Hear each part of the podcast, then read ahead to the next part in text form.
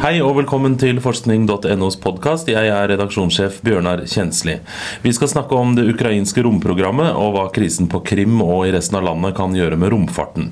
Vi skal også snakke om gamle registre fra 1600-tallets pestherjede London, som viser hva folk døde av. For nedtegnelsene viser nemlig at folk ikke bare døde av pest, men også av både frykt og sorg. Men først. Kvinner diskrimineres i realfag. Testresultater fra videregående skoler i USA viser at jenter er like beredt som gutter til å starte en høyere utdanning innen matematikk, naturvitenskap eller ingeniørfag. Men så skjer det noe.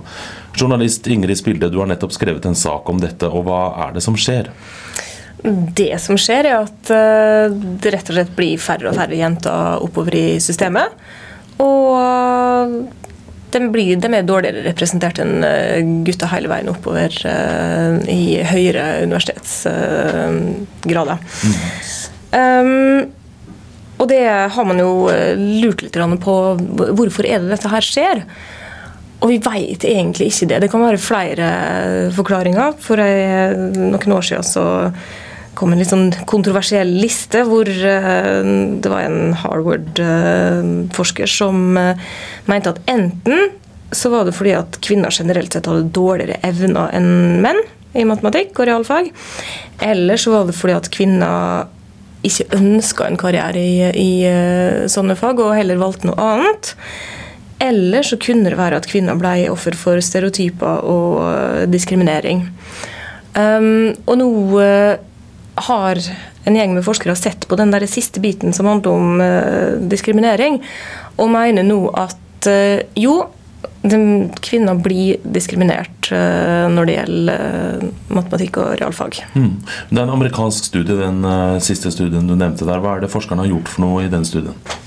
De har rett og slett kjørt en test hvor de har fått inn flere små grupper med deltakere som har gjort oppgaver i aritmetikk. Og um, det er, altså det er sånn pluss og minus og gang og dele-oppgaver. Um, og akkurat på aritmetikk så er det ganske god dokumentasjon på at uh, damer og menn er like gode. Så her er det ingen, uh, ingen reell grunn til å diskriminere. Um, og så har etter hvert Eh, disse gruppene blitt delt opp sånn at to av deltakerne tilfeldig har blitt trukket ut til å være arbeidssøkere, mens resten er arbeidsgivere.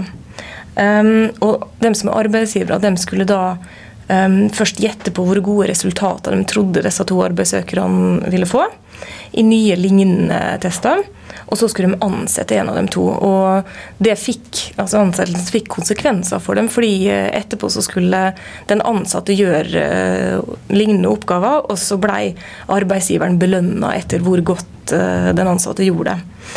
Um, og for at ikke noen skulle skjønne at dette her handla om kjønn, så var det ikke alle altså Kunne det være um, par av uh, like kjønn som ble stilt mot hverandre, eller av motsatt kjønn.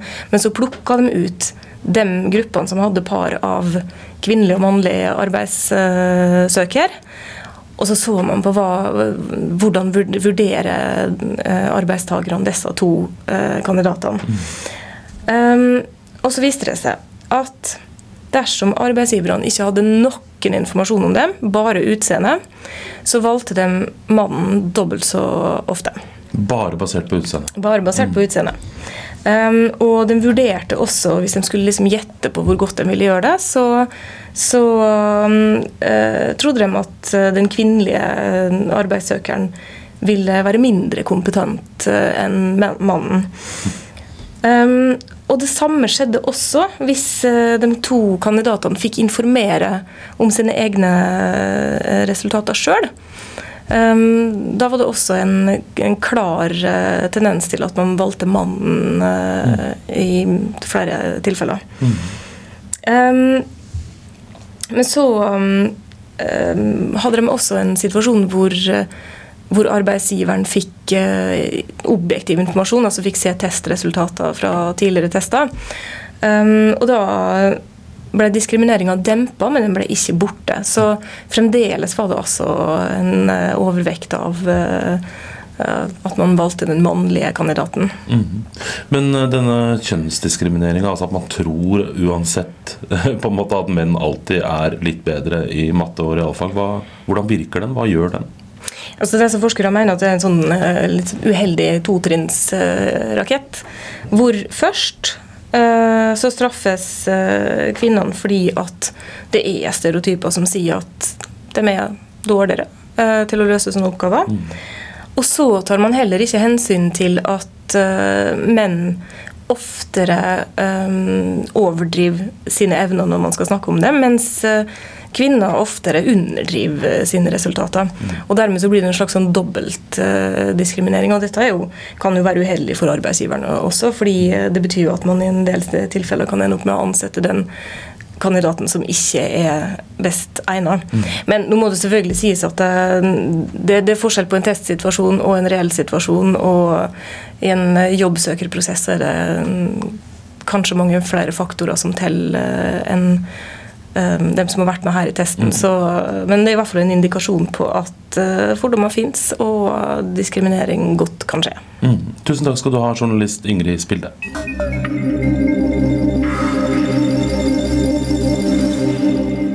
En utstilling i det tradisjonsrike Royal Society i London stiller nå ut registre fra 400 år tilbake som forteller byens historie om liv, død, levekår og sykdommer. Eh, det eldste er fra byllepestepidemien i 1665, som tok livet av 15% av byens befolkning. Journalist Marianne Nordahl, du har skrevet en sak om dette. her. Hva finner vi i eh, disse registrene?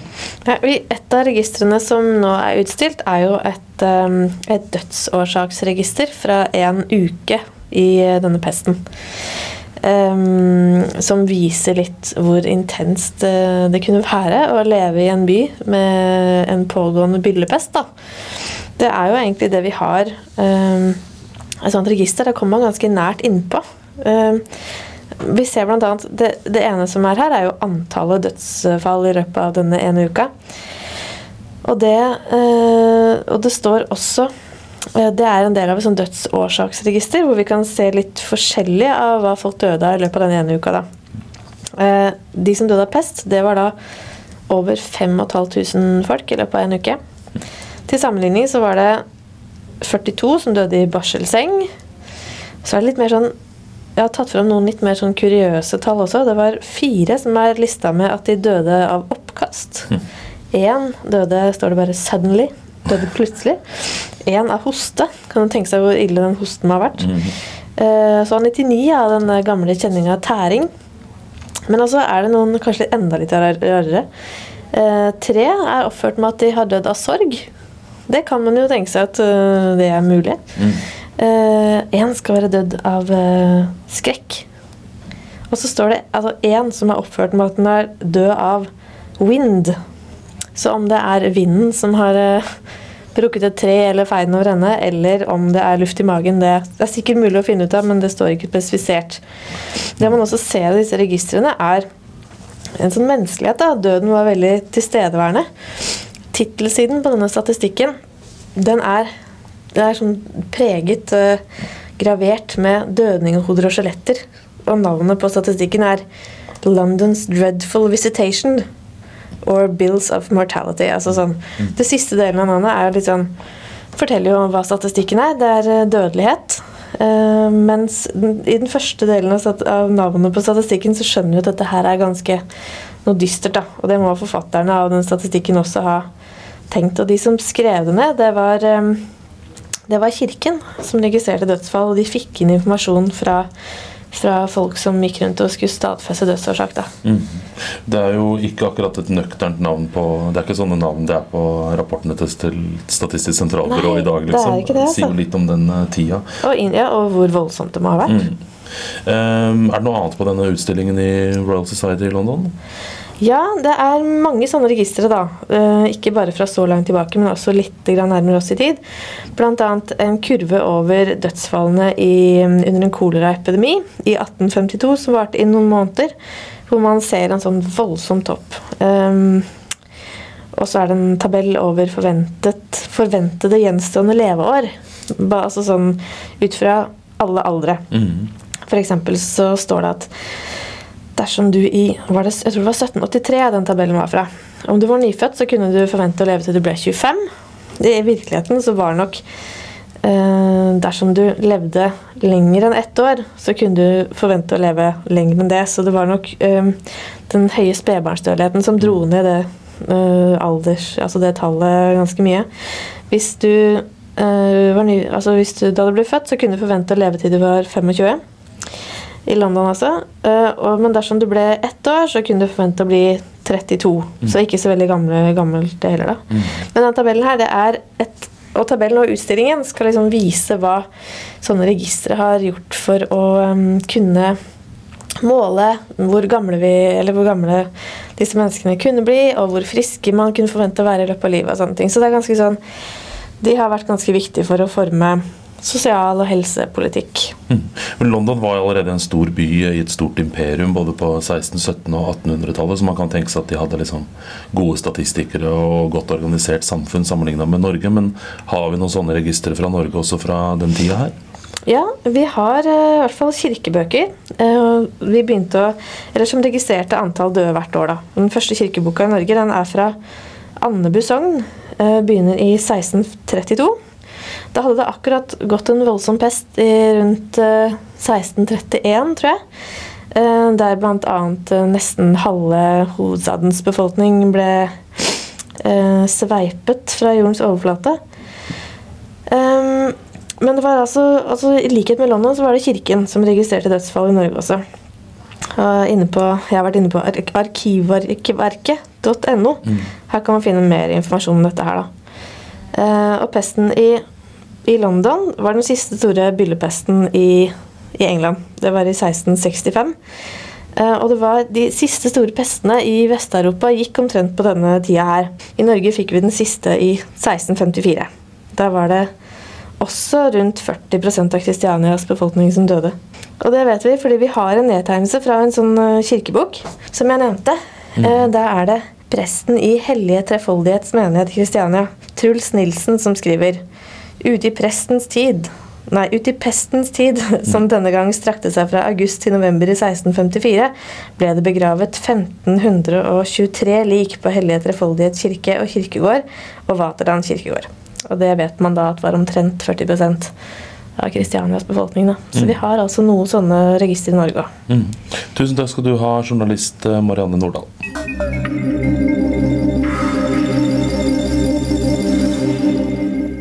Spenningen er fortsatt stor mellom Russland og Ukraina. Det som er mindre kjent, er at Ukraina har vært en viktig leverandør av raketter, ikke bare til Russlands atomvåpenarsenal, men også til Russlands romfartsprogram. Forskning.nos journalist Arnfinn Christensen, kan Ukraina-krisen også bli en romfartskrise? Eh, det er det jo ingen som vet sikkert, men hvis vi hvis den først skulle bli en krise, så kan vi jo prøve å skissere noen sånne konfliktsoner hvor den krisen kan oppstå. Mm. Og Den første det er jo nettopp dette med at Ukraina har jo faktisk laget en god del raketter. Ikke bare som du sa, ikke bare for atomstridssonene, som for øvrig eh, ble flyttet ut av Ukraina. Eh, men de har også laget raketter, bl.a.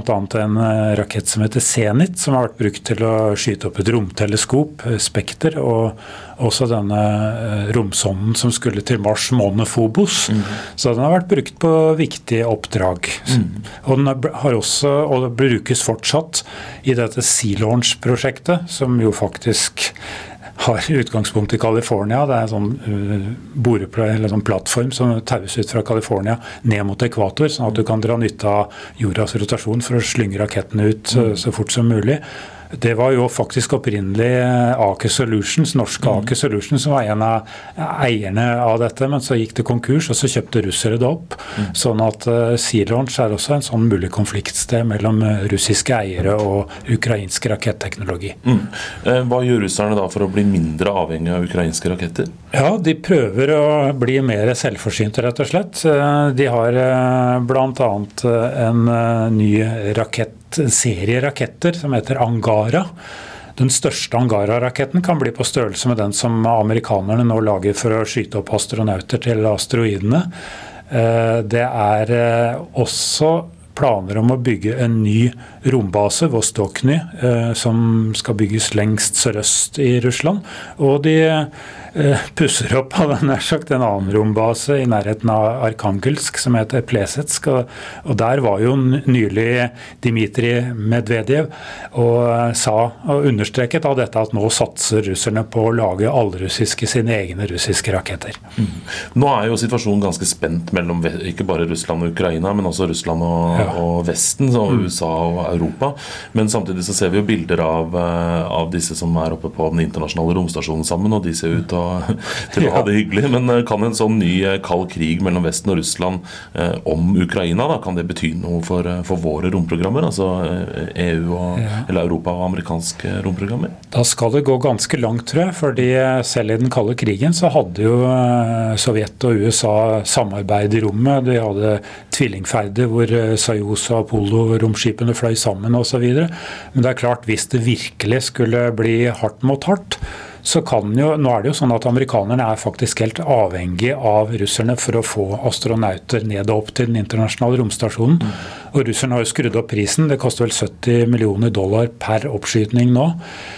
Men hvis de da skulle si ok, vi vil, ikke, vi vil ikke frakte opp noen nye, eller enda verre, ikke hente ned de amerikanerne som er der oppe, så mente iallfall romfartsekspert Erik Tandberg, som jeg snakket med da jeg skrev denne artikkelen, at amerikanere amerikanerne kan i en nødsituasjon få sin eh, Dragon, altså den eh, SpaceX Dragon-romkapselen som nå bare brukes til eh, å frakte forsyninger, også mm. til å frakte folk ned og opp. Og Dessuten så kan jo folk være på romstasjonen i opptil ett år, så de har litt ventetid og kan da vente på denne Dragon. Mm.